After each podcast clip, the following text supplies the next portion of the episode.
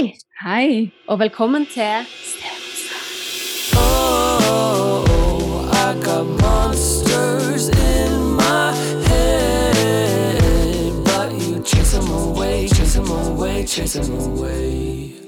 I dag så har vi med oss en ny gjest. Ja. Ja. Ekte monstergjest, kanskje? En ekte gjest. Eh, og vi har med oss ingen ringere enn Anniken.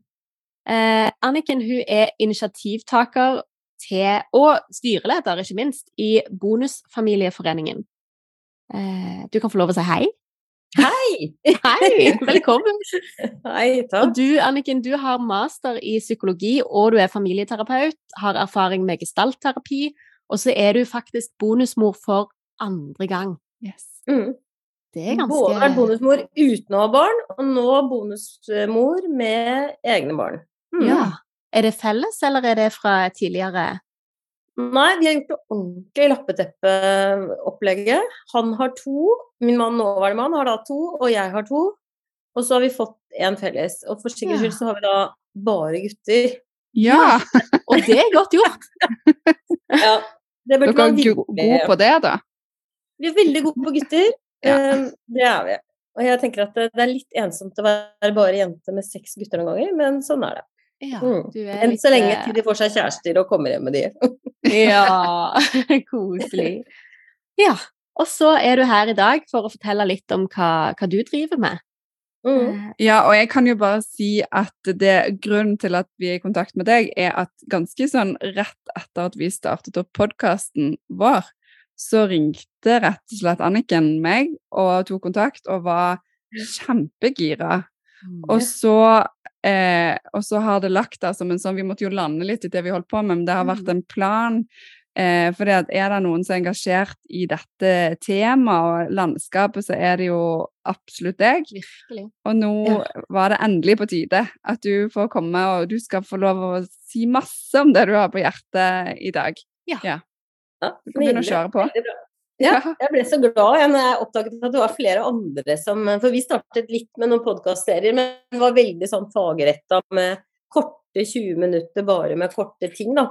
Så, og så syns jeg stilen deres var så morsom. Det var gøy å høre på. Dere liksom fyller ut hverandre og Og, jeg, og så tenker jeg jo at min opplevelse her, da, når vi startet opp den bonusfamilieforeningen, er på en måte at det er Altså, vi er så mange nå som lever i bonusfamilie rundt omkring i landet. Mm. Tall fra Danmark og, og USA viser at rundt 40% av befolkningen et, en eller annen gang gjennom livet, enten som voksne lever i en bondesfamilie eller som barn blir levende i en bondesfamilie. Så dette er ikke lenger bare liksom noen få. I gamle, gamle dager så var det liksom Man ble jo havnet i en bondesfamilie fordi at en av foreldrene døde. Og da Mm. gifter man seg igjen for å ha hjelp til å kanskje få til hele Mm. kabalen. Sånn er det ikke i dag. Eh, Vi, vi skylder også, ikke sant. Rundt 50 av gifte og registrerte samboere går i stykker. Og så havner mange, veldig mange av oss innen statistikken viser etter seks måneder så er veldig mange allerede ute på datingsider og på leting. Vi er flokkdyr. Vi vil gjerne egentlig ikke bo alene. Nemlig. Og da Og da man, kommer opp, bonusfamilien. ja, da ender man opp med, med seks gutter i huset. Ja, det var ikke direkte planlagt at det skulle se sånn ut, for å si det sånn. Men Nei. sånn er jo livet, da. Ja, det er flokken si sin, det. Ja. Mm. Det er flokken. Det er det. Ja da. Mm. Ja da. Det er morsomt når vi er ute og reiser. Kan jeg spørre, altså eh, litt sånn bare bakgrunnen til oppstart av eh, sant, Du styreleder, dere har lagd denne mm. Ja, bare si litt mer om oppstarten til Bonusfamilieforeningen. Mm.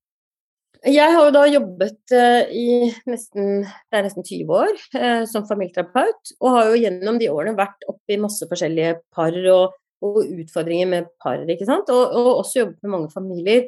Og så ser jeg jo det at eh, de parene som på en måte reetablerer seg, da, og som på en eller annen måte havner i bonusfamilier, de fikk en del utfordringer, som jeg jo da også etter hvert kjente på selv, som det var veldig lite fagkunnskap om. Det var lite artikler, det var lite bøker, det er lite generelt snakk om det. Mm. Når jeg googlet det eh, for, for noen år tilbake da, så var det nesten ikke en artikkel. Nei. Um, og jeg tenkte at dette er jo litt rart, fordi um, Og jeg i tillegg til dette så vokste jeg opp med skilte foreldre som også etablerte seg på nytt. Um, og det, jeg hadde jo da vokst opp med stemor, Ja. Uh, og det var ikke noe spesielt enkelt.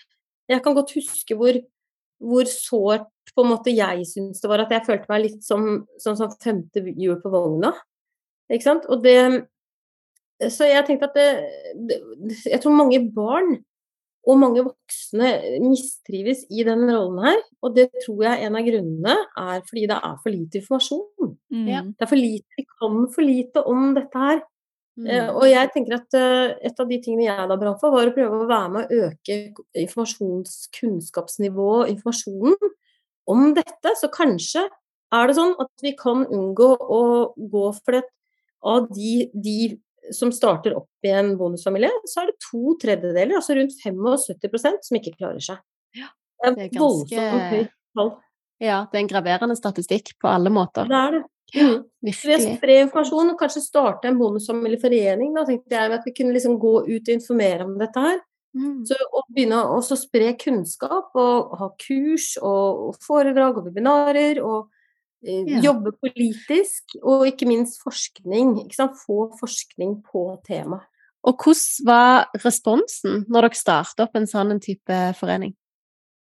Ja, Først, når vi først startet, så begynte vi på noe som het Stemoren, eh, før vi lagde bonusfamilieforening. Det vi skjønte da, og merket, var at veldig mange er nok veldig frustrert i den rollen som stemor.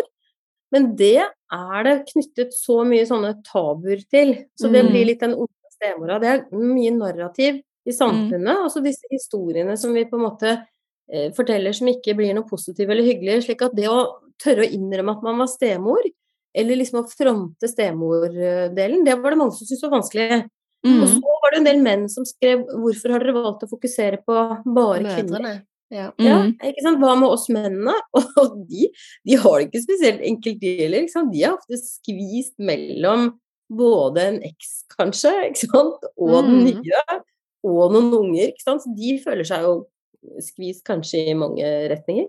Mm. Så i høyeste grad så tror jeg også at de også trenger, slik at Bonus familieforeningen ble en naturlig Ja, så tanken er at dere, dere Det er ikke en, en steforeldreforening, men det er en bonusfamilieforening, så, så på en måte det skal romme både barn og, og biologisk forelder og steforelder, da. Ja. Jeg håper på sikt at vi får satt opp eh, ikke sant, lokallag rundt omkring. Hvor vi Mhm. også kan ha kurs og grupper for og også, Jeg håper at vi kan få spredt dette gjennom Bufdir og en del av den forskningen som nå kommer, til helsestasjoner, familievernkontorene. Ikke sant? Spre informasjon.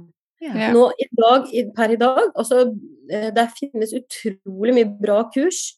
Altså Det finnes til og med kurs som at hvis du tror at eh, partneren din har asperger, så kan du gå på familie- eller parkurs. Ja. Er jo hvor mange er det som er i den kategorien? Det er kanskje ikke så veldig store tall. Mm. Det Mm. finnes kurs for, til og med det finnes det kurs for, og det er nydelig. Men det finnes ikke ett kurs for, for disse som da lever i bonusfamilier. Mm. Og Det er veldig parallelt dette med vår oppstart, sant? For Ja. vi begynte å snakke om behovet for grupper ut fra vårt perspektiv som, som fagpersoner der ute, men òg med erfaringen vi hadde med oss. Men, Mm. men landet på at vi begynte podkasten, og så Ja. fikk vi se hvordan Mm. det gikk videre. Absolutt. Nydelig, ikke sant? Mm. Ja. Eh, hvor, altså, hva er folk opptatt av? Hva er det dere liksom, Når de tar kontakt med dere, hva er det, hva er det de trenger, eller hva, hva er ja. det, det, det er overvekt av kvinner som tar kontakt. Men det betyr ikke at ikke mennene er frustrerte og også sitter der. Men jeg tror det er litt sånn typisk kvinne at vi, vi går ut og søker hjelp, på en måte. Mm. Og litt lettere, har en litt lavere terskel for det. Og det, da går det på hvordan i all verden lære å like nesten stebarna. Altså. Og det, det er liksom trist. Men samtidig så vet vi at det er det som det googles mest på i USA, f.eks., hvor de har veldig sånn fine søkemotorer. Hvordan like stebarna. Det er den setningen de googles mest på innenfor denne tematikken. Ja. Slik at liksom, Det sier jo alt, ikke sant. Det, Mm. det er mange som syns det er vanskelig. Og så har vi noen forventninger da, ikke sant, til at vi skal være så innmari glad, eller bli like glad i de bonusbarna, da, eller stebarna. Og det er ikke jeg så sikker på om vi egentlig nødvendigvis skal legge lista der. Er Det er litt morsomt at du sier det, for vi har jo både en av de episodene vi spilte inn når vi var litt svette, var jo òg det med å benevne det med å ikke like barnet. sant? Mm. Fordi at, at, Ja. at det er så vanskelig for folk å ta inn over seg at det er helt reelt. Men det, Mm. og det er jo noe veldig normalt og vanlig med det.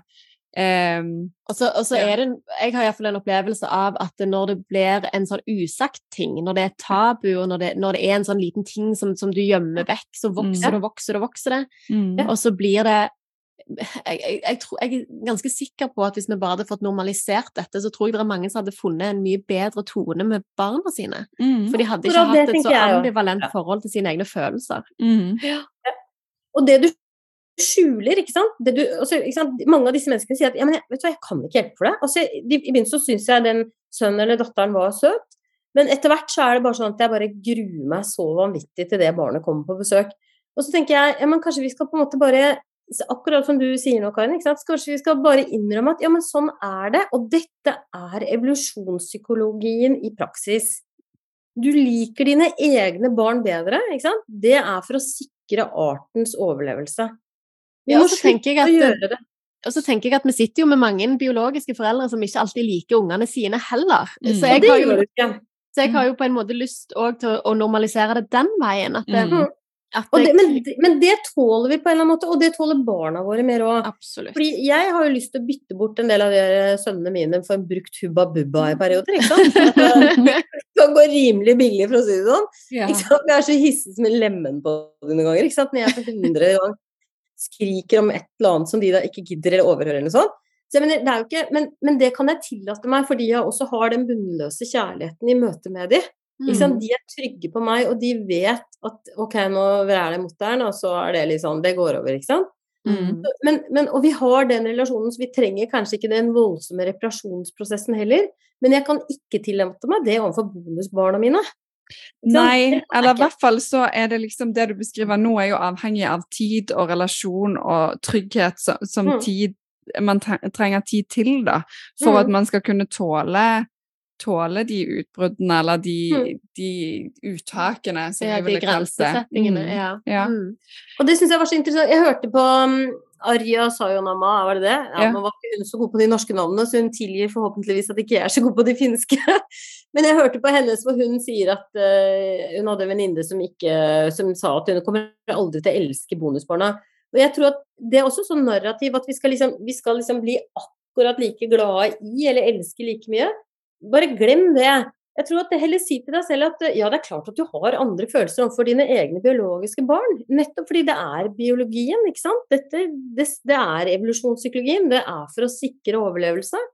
Men du kan være glad i, og mer enn glad nok Mm. i, bonusbarna dine.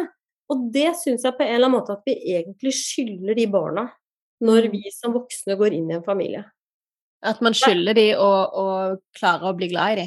Ja, og ikke, også, men liksom, hvorfor blir vi ikke glad, så glad i det?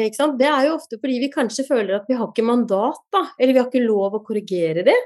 Og så hvis disse barna tråkker rundt og ikke gidder å leve under de samme reglene, eller tar seg til rette, eller ikke sant. For sånn er det jo.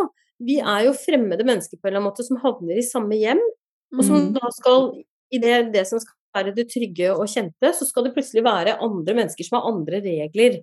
Det er klart Mm. det ville irritere oss, og så selv med venninner eller venner eller ville det vært frustrerende, ikke sant? På sikt Mm. hvis man ikke alle chippet inn og man bidro like mye.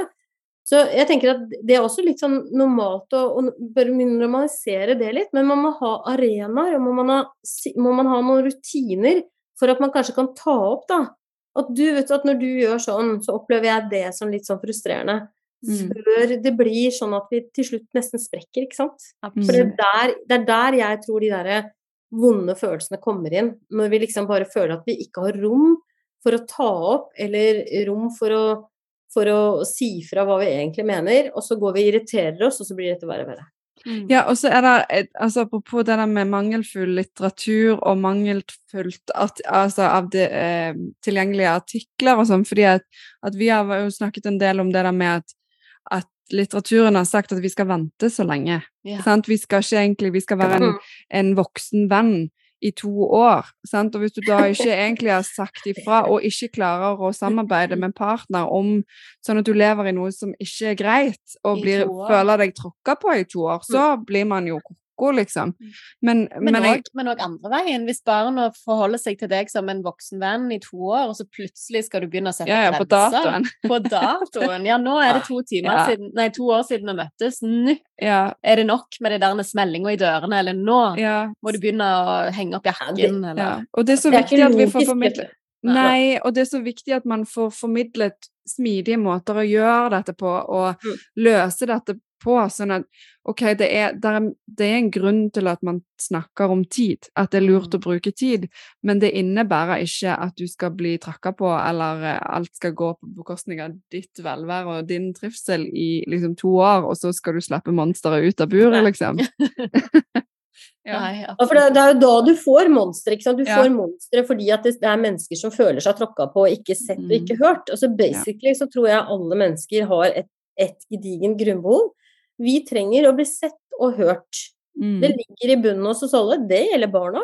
Og det gjelder Mm. selvfølgelig også både bonusmor og bonusfar. Mm. Blir jeg ikke sett og hørt, så føler jeg meg liksom tråkka på og oversett, og så blir jeg sur, og så blir jeg kritisk, og så går jeg og leter etter ting som er gærent. Mm. Da er det bare sånn Og du satte korken på ketsjupflasken på den måten, ja? Jaha. Sånn? Da, altså, da er liksom alt gærent, da, skjønner du? Ja, det- ja. Jeg tror at det der, um, Jeg er veldig for det der um, Nå har ikke mannen min vært så for det, da, for så vidt, så vi har jo hatt, hatt det på en litt annen måte, men jeg ser at det fungerer med disse familiene som jeg jobber med, eh, og det er dette med familiemøter. Mm. Mm.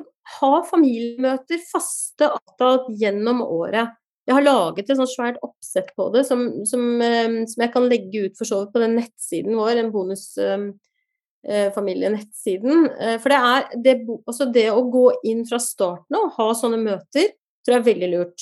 I Mm. begynnelsen så er det foreldrene som på en måte setter litt sånn eh, er eh, den og den datoen, ikke sant? Og alle barna må være med å si noe. Det er ikke lov å ikke si noe. Du kan godt si 'jeg har ikke noe å si', men da har du i hvert fall sagt noe. Mm. Og så er det faste sånn temaer som man kan ta opp. Hvordan går det nå? Hvordan har vi det egentlig nå? Hva syns dere jeg kunne gjøre bedre? Mm. Ja. Og hva gjør jeg bra? Mm. Prøv å si noe som er positivt, og noe som er negativt. For dette er noe med å, å få polaritet ikke sant? Litt, Mm. Det blir litt likevekt her. Ja. Ja, absolutt. Ikke sant? Og så er det noe med at alle barna må da igjen si ja, dette syns jeg ikke er så bra. Og så får de lov å, å styre. Barna skal etter hvert selv styre, slik at en av barna er ordstyrer på det møtet, en annen er på neste møte. Så at de får litt sånn eierskap. Eier, ja. Og formålet med dette er jo egentlig både å lære å sette seg ned som familie og ta opp ting. Mm. Og ta det opp Spennende. før det blir så utrolig vanskelig. Mm. De da står og klikker i vinkel, da, ikke sant? Ja, det, det går litt i, i sammen med det. Vi er jo veldig sånn, vi gjentar oss selv med dette med snakk om det, men det blir Mm. den, og at alt egentlig går an å snakke om bare hvis man prøver å gjøre det når man er innenfor toleransevinduet og de tingene der, og dette blir en sånn strukturert variant av det da. Ja, og så syns jeg det formidler en veldig sånn tillit til, til barna, på en måte. At deres eh, løsninger blir viktige. Hvis man klarer å gjennomføre det på en måte som ikke blir klein og, Mm. og litt sånn påtatt, eller litt sånn nå skal dere snakke. Så at hvis man klarer å gjøre dette på en litt sånn fin måte, kanskje man bestiller takeaway eller et eller annet gøy, og liksom lager det veldig koselig. så kan- Rammene er nemlig litt opptatt av at, Mm. at det skal være kanskje at man serverer god mat, sånn som du sier, takeaway Mm. eller annet, eller, og litt snacks, eller gjør det litt hyggelig. Ja, gjør sånn, det til en happening, her», Liksom. Det må være litt Mm. sånn Gjør det litt sånn hyggelig og uformelt, og her må de voksne på en måte klare å gå foran da, som gode eksempler. Men Mm. Og de må, de må også høre etter, ikke sant. Slik at ja. da barna våre da tok opp f.eks. at de syntes det var veldig tull med at man ja, ikke hadde godteri hele uka, f.eks. Ja, det er klart det er lett å bare liksom Ja, men da diskuterer vi hvorfor har vi reglene om godteri. Jo, det har noe med liksom være sunn, og det har noe med tenner, og det har noe med kanskje økonomi til og med. ikke sant? Kan vi gå gjennom det, og så si Og sånn Mm. har vi landet på. Men ta det på alvor. Ikke sant? Fordi Mm. de Mm. barna lærer ganske fort at der er det en setting hvor det er tid nok til å prate om det. Mm. Mm. Ikke mens man står i eh, skal levere ungene i gangen på skolen, eller hvor man sier 'Det her har ikke, kan ikke vi prate om nå. Har ikke tid til det her.' Eller, Mm. ikke sant? Men hvor de får lov å bli stemmene deres blir hørt, da. Yeah. Mm. Det har masse å si, det òg. Fordi barna i en bonusfamilie Herregud, altså de er de eneste som ikke velger noen ting. Ja, det Eller er far forelsker seg, ikke sant? Og hva gjør vi? Mm. Jo, vi drar med hjem både kanskje da andre barn, som er kanskje mye eldre eller kan like alder. Mm. Forlanger vi at disse barna skal like hverandre på en måte òg, ikke sant? Mm. Ja, det, vi hadde Siste episoden vi la ut, så snakket vi litt om introduksjon. Eh, og, da, og da var det på en måte noe som ble veldig viktig for meg, at det, at det, det er de voksne sitt prosjekt. Hvis Ja, du det er det der. Barna Ja. bare blir jo pælma inn i det. Ja, Mm. det er det. Og ikke bare det.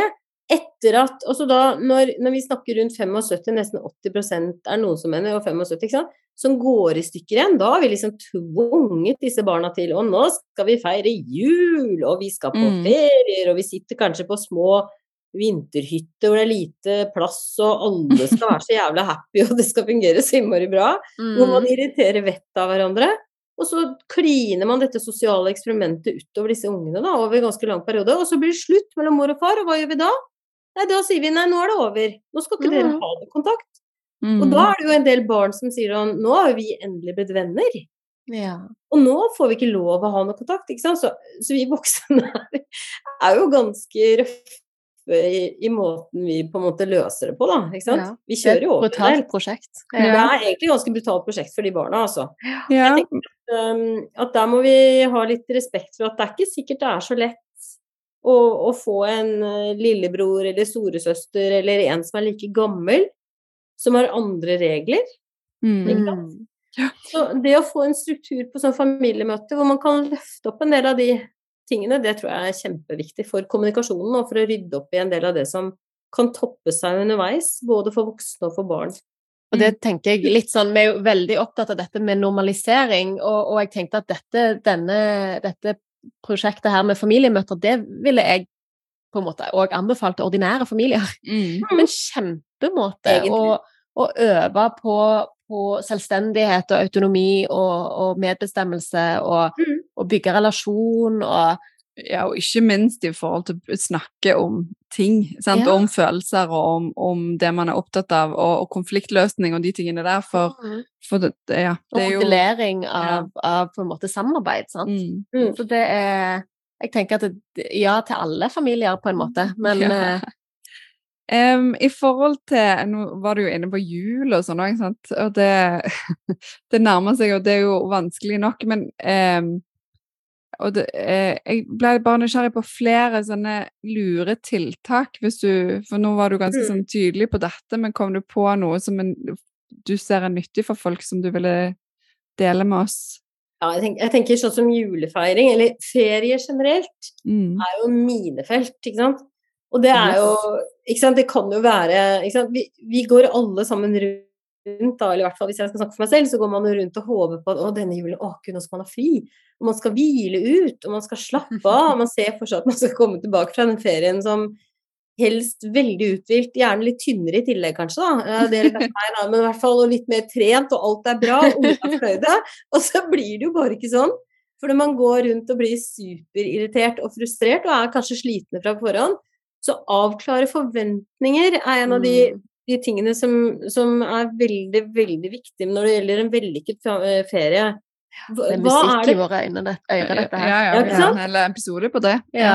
Ja, men ikke sant, det, far ser for seg kanskje at han bare skal få trent for seg selv, eller bare skal gjøre sånn eller sånn, eller Og så mor har tenkt at alle skal gå og handle, kanskje.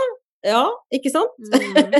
For meg med den guttegjengen min kan jeg bare glemme altså, Ikke sant? Så, men vi har helt forskjellige, og kanskje har minstemann Han drømmer om at vi skal gå og spise på det stedet som vi har spist på noen ganger før. Og kan bli kjempeskuffa over hvis vi ikke gjør akkurat det, for det er en eller annen ting som plutselig blir, er viktig for han. Og kanskje noen av de andre har veldig lyst på at alle sammen skal gjøre sånn og sånn med en eller annen aktivitet. Så hvis man kan liksom sette seg ned på forhånd, da, og det er, igjen tenker jeg jo at familiemøter bruke, trenger, eh, Og nå snakker ikke jeg sånn Dette skal ikke være altså, Det er så mye forventninger til oss hele tiden. Dette skal ikke være enda en ting som folk skal tikke av og gjøre perfekt. Men prøv å se om det går an å finne ut av hva er det du gjerne vil at denne ferien skal innebære, for at du skal tenke at det her blir bra. Mm. Det, det er ikke så mye, det er ikke det store spørsmålet, men det er allikevel et veldig viktig spørsmål. Og da kan det godt være at noen sier sånn Nei, egentlig så er det ikke så viktig for meg. Jeg kan i Mm. hvert fall oppleve at når jeg da går den runden, eller opplever at uh, mannen min eller noen av de andre sier 'mamma, hva er viktig for deg', så tenker jeg nei, egentlig så tror jeg kanskje ikke det er så viktig. Men hvis jeg hadde gått den ferien og ingen hadde spurt meg, Mm. så kunne jeg kanskje blitt litt sånn småfurten, liksom, i løpet av uka, fordi at det ikke jeg får dekket noen av de tingene jeg trodde jeg hadde veldig lyst til på forhånd.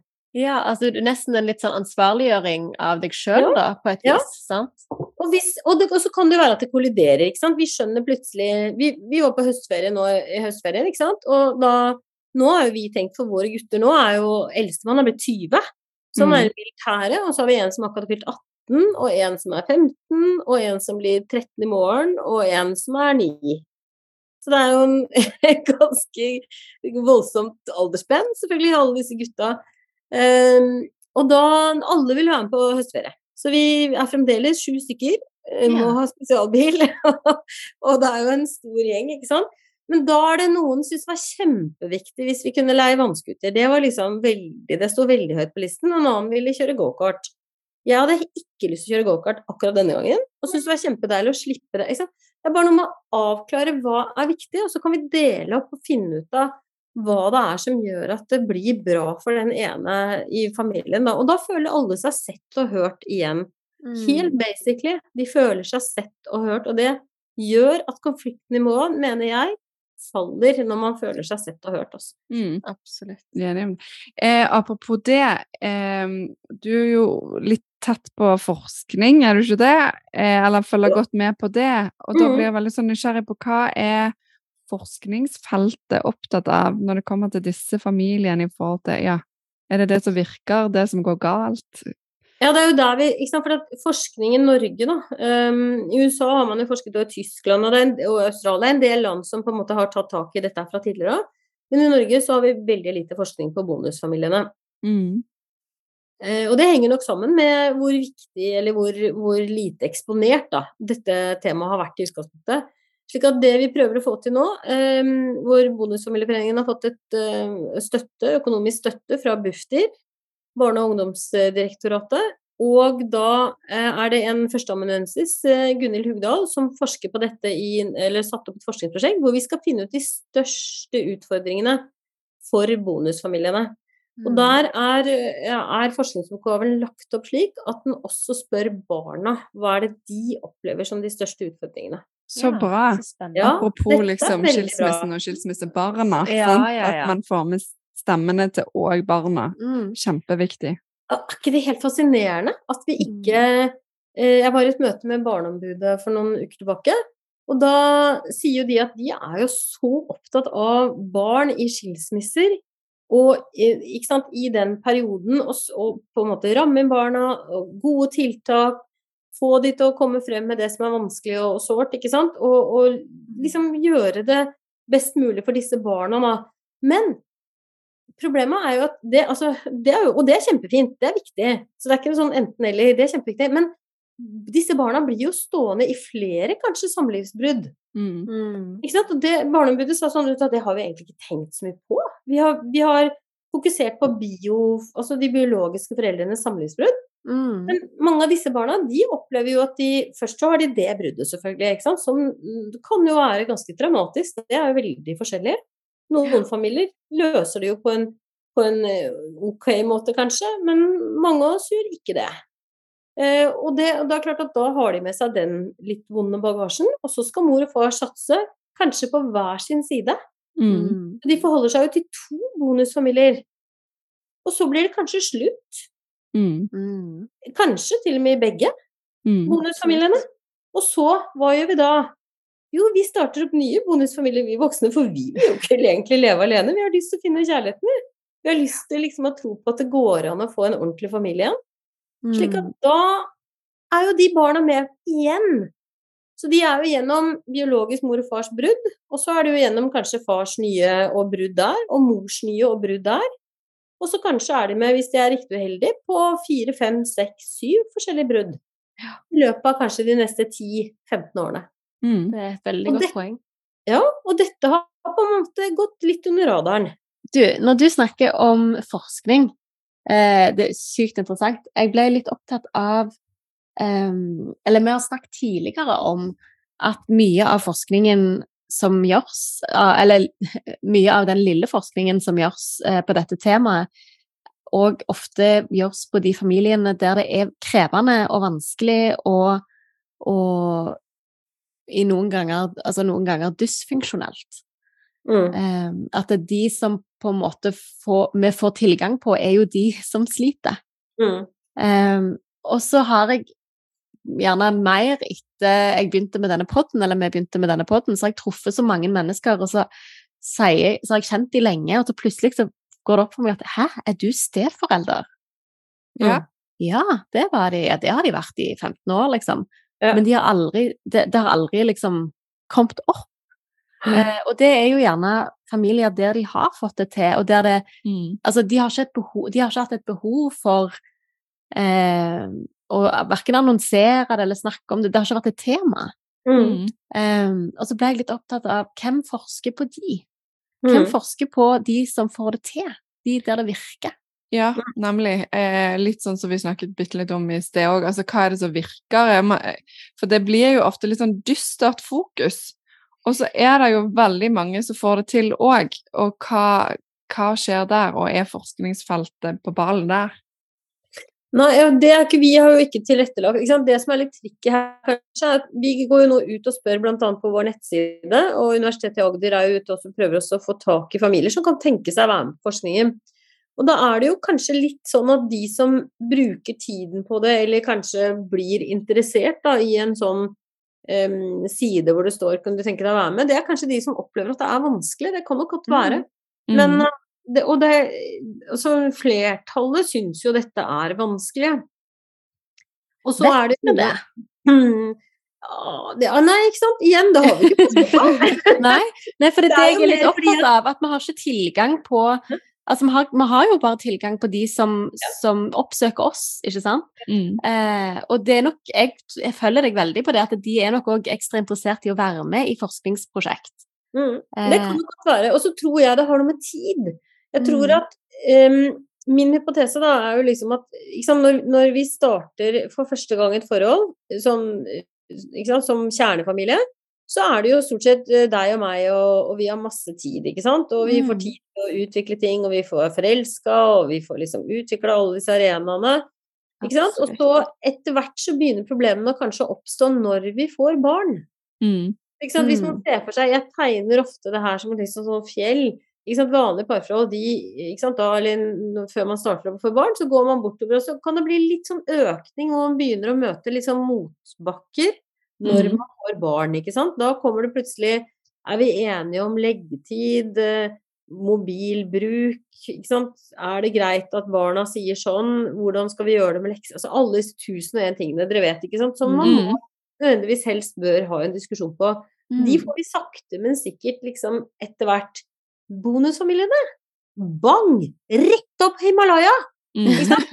Det, det er ikke noe walk in the park, liksom. De Mm. drar rett opp en sånn kjempeskråning, hvor de umiddelbart, mens de samtidig skal finne ut av er du og jeg liksom helt Vi skal liksom trives, og vi skal få til sexen og kommunikasjon, og alt skal fungere med familier og din og min og, og svigerforeldre og gud veit. Sant? Samtidig oppi dette så skal vi forholde oss til grensesetting for barn. Mobilbruk, hvem skal spise hva rundt middagsbordet, har vi disse reglene, når skal vi legges? Alle Mm. de tingene, de forholder de seg til umiddelbart. Mm. Tid til eh, å gå kanskje og? Fordi at selv om du har brukt to år som, som mange anbefaler, og det, er- jeg er ikke sikker på om alle bruker to år, altså. Jeg tror mange syns at det er ganske lenge å vente i to år før man Mm. introduserer noen. Absolutt. Så, så? Men, men det er realiteten for bonusfamilier, og de må inn i en del av de tingene her. Jeg tror at når det er sånn med bonusfamilier, så tror jeg det er en del obligatoriske konflikter, eller obligatoriske temaer. Ja. Jeg tror det nesten burde det vært en sånn checklist. Så man må sjekke ut har dere diskutert det. Ok, Mm. det har dere. Har dere diskutert det? Ok, fint, det har dere. Har dere Mm. diskutert det?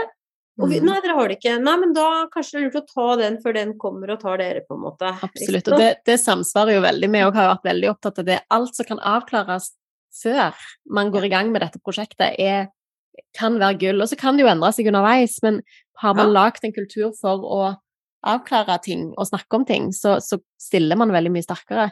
Mm. Jeg tror det er veldig mye smartere, for da er det ikke så såre følelser kanskje heller, ikke sant? Mm. Da har man kanskje ikke rukket å bli fornærma eller irritert eller Ja, ikke sant. annet, ikke sant? Så at man kan diskutere det mer sånn teoretisk, da, ikke sant? Ja, men jeg syns jo egentlig Ok, ja, men syns du det? Ja, men kanskje vi kan gjøre mellomting, da. Mm. Jeg ble nesten litt opptatt av de der foreldre-barn-undersøkelsene. Mm. Eh, for de er jo sånn så jeg, jeg har ikke helt fått med meg hvordan de begynte, men, men det har vel noe med Altså, de er jo bare De begynner jo med barnets start, sant, og, og lenge før eh, før man eventuelt har gått fra hverandre og alle disse tingene. Og da blir, og disse familiene blir jo fulgt opp over år etter år, så tar man sånne sjekk-inn på hvordan det går med de. Og der hadde det jo vært interessant å sett litt sånn i forhold til hva har virket, eller hva har eh, Hvordan skal man beskrive det, da? For jeg tenker, det du sier, ja, jeg tror at, at de aller fleste foreldre og steforeldre, bonusforeldre, syns at foreldrerollen er kjempekrevende. Ja, sant? Det er klart. Eh, og kompleksiteten blir, og, og, og vanskelighetene øker jo som regel med antall relasjoner. Mm. Eh, men likevel så tror jeg at noen fikser det bare bedre enn andre, og noen eh, stresser mer enn andre. Og, og nå har vi snakket om avklaring av forventninger, det å snakke sammen. Altså eh, oh, Det er et potensial i å være veldig nysgjerrig der, kjenner jeg. Som er, Mhm. og, og igjen dette utfordringene knyttet til forskningsfeltet, nettopp i det når man går ut og, og søker seinere, når folk er kommet lenger, så blir Mm. blir det litt eh, vanskelig å få valide svar, kanskje, Mm. eller ja, i hvert fall utfordrende. Ja. Det vi håper nå med det første forskningsprosjektet, ikke sant? Nå som vi søker bonusfamilier så hvis noen ten kunne tenke seg, gå gjerne inn på nettsiden vår, og der ser dere kontaktdatoen eller dataen til uh, Hugdal som kjører forskningsprosjektet. Mm. Uh, og kontakt da henne og spør, uh, for vi trenger virkelig disse Vi trenger dere til å finne ut av for å få gode tall, og for å skjønne bedre hva som foregår i det temaet her. ja. Vi- støtter oppfordringen. Yes. Ja. Ja. Mm. Inn og hiv dere med. ja. Vi, vi trenger eh, gode svar. Ja, det er det vi gjør. Mm. Så, og, så, og dette er ikke veldig tidkrevende. Så det er, eh, det er veldig Og det står beskrevet i, i forskningsprosjektet hvordan, hvordan det gjøres, så det kan man gå inn og lese. Men så håper vi at når vi da får kartlagt i denne mm, forskningsprosjektet her, som skal lanseres i løpet av sommeren Vi håper at vi er ute og resultatene er kanskje klare i løpet av sommertiden. Og så skal vi lage i Bonusfamilieforeningen lager da en flyer og noe, noe materiell som vi gir videre til, til, um, til Bufdir, og håper at de kan spre da på sine. ikke sant? Sånn at vi, Mm. igjen, formålet, få ut uh, riktig og god forskning som, som kan spres, som kan gi informasjon som Mm. gjør at flere kanskje unngår da, å ryke på en del av disse problemstillingene. Og kanskje flere får til eh, bonusfamiliene. Men så håper vi at vi kan finne ut etterpå som forskningsprosjekt nummer to, så vi er allerede nå inne i en ny runde med det, med å søke på forskning og nye forskningsmidler, det er jo hva var det som fungerer? Kan vi, kan vi Mm. finne noen ting? Kan vi finne noen strategier som gjør at de familiene som følger disse fem punktene, kanskje, f.eks., ja, Mm. de opplever at de får det til bedre. Mm. Da begynner vi å snakke, ikke sant? Da Ja, begynner vi å skjønne, ok. Så det jeg liksom håper litt, da, eh, litt sånn eh, Jeg håper at vi kan på en måte finne noen klare strategier som Mm. gjør at en del av disse familiene løser en del av disse rett og slett obligatoriske utfordringene. Fordi når jeg ble bonusfamilie første gangen jeg, jeg var så naiv. Nå har jeg liksom vært naiv flere ganger i livet, også, så det var trekk ved meg, liksom. Men jeg skjønte ikke, ikke sant. Jeg gikk inn og hadde masse god vilje og Mm. ga over de der bonusungene eh, til min daværende, ikke sant, og skjønte jo ikke at jeg kom dundrende inn og tenkte ja, men jeg vil jo bare vel. Og det er fint, det, men effekten det var på dem, da, var ikke sikkert alltid like greit, da. Mm. Ikke sant. Og det, og det nå i dag, når jeg vet alt det jeg vet, så sitter jeg noen ganger og tenker oh my god, er det mulig? Det gjorde jeg. Mm. Alle de feilene kan jeg tikke av, liksom. Så Det er skikkelig pinlig. Så deilig at du er med på å, å normalisere det. For jeg tror vi alle har been there, done that. Ja, også beundringsverdig igjen dette med å erfare, sitte på muligheten og kompetansen og gjøre noe med det og Ja. ville dele, Ja. som jo eh, Ja. Vi heier veldig på det. I kor, faktisk. Ja. Men altså dette, altså for det første så tror jeg at, at det er mange foreldre som sliter her, ikke sant. Og mi, igjen så mener jeg at en del av de parforholdene da, som går fra hverandre. Sjansen for at de egentlig ikke var dårlige parforhold da. De kunne egentlig kanskje klart seg det, hvis de hadde fått hjelp underveis. Mm. Min mann, jeg har jo trøkka teori og bøker og prater og podkaster med dere, og gud veit, han er jo så lei, ikke sant. Han er, men han sier jo da, ikke sant, litt sånn klokt nok, at hadde jeg bare visst, fordi i begynnelsen så møtte vi på så mye utfordringer. Mm. Han hadde en eks, jeg hadde en eks, alle disse eksene. Det var mye, det var mye utfordringer, ikke sant. Vi hadde Mm. veldig, veldig mye utfordringer. Happy ex er happy life. Yep. Ja, får man til det, ikke sant, så er det veldig greit. Men det er ikke alltid det er så lett å få det til. Men, men ikke sant, de, vi skjønte ikke at dette var obligatoriske utfordringer. Disse må du på en måte gjennom som bonusfamilie. Og Mm. står du i de og finner gode måter å løse de på, uten at det blir for stygt eller for voldsomt, eller hvor barna kanskje blir skadet fordi man klikker eller renner over, Mm. som vi jo hører stadig vekk at det skjer, ikke sant. Ja. Eh, Hvis vi kan håndtere en del av de og forstå dette er ikke fordi at jeg er en dårlig dame, eller du er en dårlig mann. Dette er obligatorisk. Vi tvinger liksom to forskjellige familiekulturer sammen. Mm. Og det har noe med, sant? For det er noe med å avklare forventninger med hverandre, men jeg tror òg at man kan kjenne seg igjen i det der med å gå noen runder med forventningene til seg sjøl òg. Mm. Sant? At det er, er Og og at man må på en måte akseptere at disse rundene kommer, som du Mm. sier. Og gjerne vi skal avslutte litt med den aksepten. Anniken, jeg hører at vi må gjerne be deg komme tilbake igjen, for Ja. det er så gøy å snakke med deg. Ja, og jeg vil gjerne Vi må bli oppdatert på funnene Ja. det har vært, Ja. sant? Mhm. Virkelig. Mm. Til sommeren så kommer um, Det blir veldig spennende. Jeg gleder meg Ja. veldig. Og prøver, vi prøver stadig vekk å få til nye samarbeid med andre også som sitter med dette. Men, eh, men jeg, igjen, la oss spre det. Det tar veldig mange sier syv-åtte år før en bonusfamilie har satt seg. Mm. Ja. Hvem hadde trodd det? Altså, jeg hadde ikke trodd det, i hvert fall. Ikke sant? Og det, det tar mange år, ikke sant? Og det, det å liksom skjønne det her, og du er ikke på en liten walk in the park, liksom. Du drar rett opp Himalaya. Mm. så lenge du vet om at du nå klatrer Himalaya, og tenker at oppå toppen der For nå, jeg har jo nå vært i, i min, ikke sant, som bonusmor i denne i mitt ekteskap nå i er det 10-11 år. Vi er jo ferdig, vi nå, med veldig mye av de tingene. De er ikke hele tiden, de kommer ikke til å fortsette sånn hele tiden. Mm. Ikke sant? Det blir mindre temaer og mindre konflikter. Det er som man sier, ikke sant, honeymoonen den kommer veldig seint for, for bonusfamiliene. Den kommer langt uti, ut deg. Ja, Og da har mange allerede gitt opp og gått fra hverandre. Ja. Er. Så ok, da runder vi av på en måte med å si at når du har besteget Himalaya, så går du ned igjen på andre siden. Nå kan du ta med deg akebrett, og så kan du bare ta, sette deg utfor. Oi, det høres farlig ut. Huse inn i bonus- bonusfamilien uten noen problemer. Yes. I hvert fall mindre, da. Men man må gjennom det. Det er rett og slett obligatorisk, tror jeg. Ja. Tusen takk, Anniken. Det har vært en glede å få lov å ha deg med. Ja, en medentusiast for dette som tema. Og et klokt hode. Absolutt.